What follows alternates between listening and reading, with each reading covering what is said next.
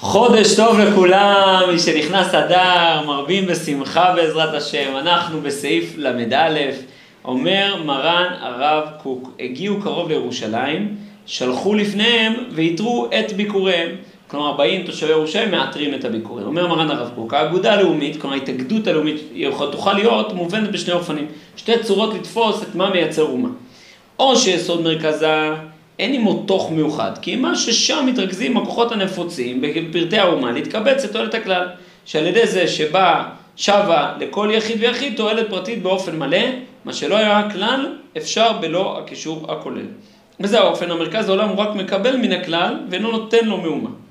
כלומר, יש צורה אחת שאני יכול לתפוס את המושג אומה. מה זה אומה? אומה זה התאגדות של יחידים סביב איזה נושא אחד, אידיאולוגיה אחת, אבל האידיאולוגיה הזאת היא תפקידה לפרנס את הפרטים.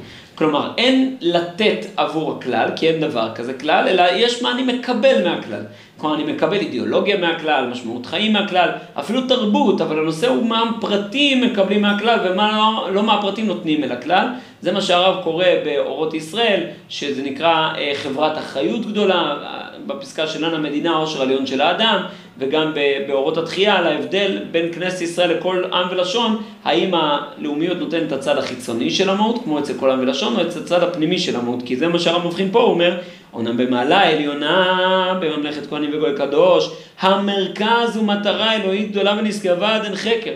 המרכז הוא דבר קיים לעצמו, כלומר ליבת המשתף, הנקודה הלאומית המרכזית היא, היא דבר ערכי, כשלעצמו להיקשר במהות הישראלית, בלב הישראלי, בנשמת ישראל, זה דבר ערכי מצד עצמו, זה לא רק מה אני מקבל משם, אלא יש ערך בלתת לאומה הישראלית. וכשם שהוא משתלם על ידי הפרטים, כלומר ככל שאנחנו תורמים, אנחנו ודאי הפרטים תורמים לחלק הכללי, כן ביותר משפיע עליהם רעננות וכוח חיים אליהם קדושה ועוד אלוהי. כלומר לפי בהתאמה לכמה אנחנו בונים את הכלל, גם הכלל בונה את הפרטים בהתאמה. וזהו יחסם של ישראל למרכז האלוהי, תל תלפיות ירושלים עיר הקודש. כלומר באמת יש לעם ישראל ליבה, יש לה מרכז, זה נקרא ירושלים עיר הקודש, זה נקרא בית המקדש, זה הליבה של כל עם ישראל, כל עם ישראל תל שכל פיות פונים אליו, זה נקרא תל תלפיות. שאומנם הרחוקים מביאים גוגרות וצימוקים אמורים גם כן על כוח הקיום הנפלא שיש בהשפעה רחוקה, שאם גם כוח הלך של החיים נעלם, הם חיים באמת. עתה, כשנעשו קרובים אל הר השם, שב כוח החיים המורגש להתחבר אל כוח הקיום, וזה על ידי השפעה יוצאת מהמרכז, מליבן של ישראל לכלל כולו. כלומר, אמרנו בסעיף כ"ח, שמי שבא מרחוק מביא גורגרות וצימוקים. גורגרות וצימוקים נראה יבש, נראה חלש, אז אדם מביא את מה שהוא מסוגל למען הכלל. אבל אתה נותן למען הכלל, ממילא אתה גם מקבל מהכלל. הכלל, לב האומה, ירושלים מוציאה אליך כוחות חיים, כמו שעליהם מזרים דם לאיברים, הוא מקבל דם לאיברים והוא מזרים דם לאיברים. אותו דבר גם פה, האיברים באים ומביאים ביקורים, עם ישראל מתקבץ ירושלים נטיל להביא ביקורים, ירושלים מזרימה עליהם דם, מהליבה יוצאים אנשי ירושלים ומביאים להם, מאתרים את הביקורים שלהם. על ידי השפעה יוצאת מהמרכז, מליבן של ישראל, הכלל כולו. שלחו לפניהם, כלומר להורות שהם צריכים להיות מושפעים מהודעה של ירושלים. כלומר, יוצאים מירושלים אליהם, לא רק לבוא להגיד אתם רק מביאים לירושלים, אתם גם מקבלים מירושלים. ולא רק הם נותנים למרכז את ערכו, כי הם גם שואבים ממקורו מקור מים חיים. ואז יתרו את ביקוריהם, שמה בהר הקודש יפוך כוח, חיים, להיות מורגש ומלא בפועל את כל לב ונפש. כלומר, יש פה איזה עיטור. עיטור זה מלשון עטרה, מלשון כתר, איזשהו משהו שהוא מרומם את החיים מעל הגבולות שלהם, זה התכונה של כתר. ועל העוז הקיים.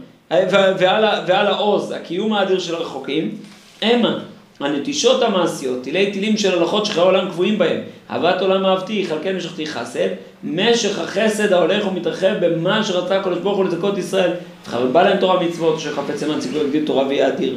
על העוז ההוא חופי ההדר, על כל כבוד חופה. כי גילת ורנן, כבוד הלבנון ניתן לה. כלומר, מה מתחדש? בעצם, אמרנו שמי שבא מרחוק, יש לו עוז של קיום, יש לו עוצמת קיום, כמו עם ישראל בגלות, כמו מקיימי התורה, שאף על פי שאין להם איזה רעננות, איזה התרגשות הנפש, עדיין הם שומרים את המצוות, כמו שאמרנו בסעיף כ"ח, אבל סוף סוף, מתוך אותו עוז הקיום, מתוך אותה התמדה הזאת, מתוך אותם תילי תילות של הלכות, אדרבה, על גבי זה, מתוך כל הקשר הזה, אהבת עולם מבטיח משכתי חסד. הקדוש ברוך הוא משפיע עלינו חסד, משפיע עלינו משך החסד, כלומר התמשכות, את אותו המרחבים של הנבואה, של העולם הפנימי, של העולם הרוחני. זה מה שרצה הקדוש ברוך הוא לזכות את ישראל לבחר בעליהם תורה מצוות. כלומר, לא רואים את זה כהרבה הרבה פרטים של הלכות, אלא אדרבה, הקדוש ברוך הוא מזכה אותנו, מרומם אותנו בדברים האלה, זה גילת ורנן, כבוד אבא נותן לה, כלומר זה התוכן של כבוד, פתאום הדבר מתקבל, מתהדר, מקבל משמעות, הוא לא סתם הלכות פרטיות יבשות. שלום שלום רחוק ולקרוב, אמר השם, הוא רפאתיו, מגיעים לרפואה גם לרחוקים, הם מתרפים, הם מתעלים במדרגתם הרוחנית. הרחוק שהיה קרוב גם בריחוקו, כלומר הרי סוף סוף אותו הרחוק, היה בו גם בחינה של קרבה, כמו שאמרנו מרן הרב קוק. איזה בחינה של קרבה היה בו? אותה קרבה למחויבות ההלכתית וכולי, היא קרבה אותו, החזיקה אותו בקרבת השם. אבל כאשר בא עד מקום בית חייהם וליבן של ישראל, אז יגלה עוד החיים המלאים אדרת קודש, כי העם ישראל שב לביתו.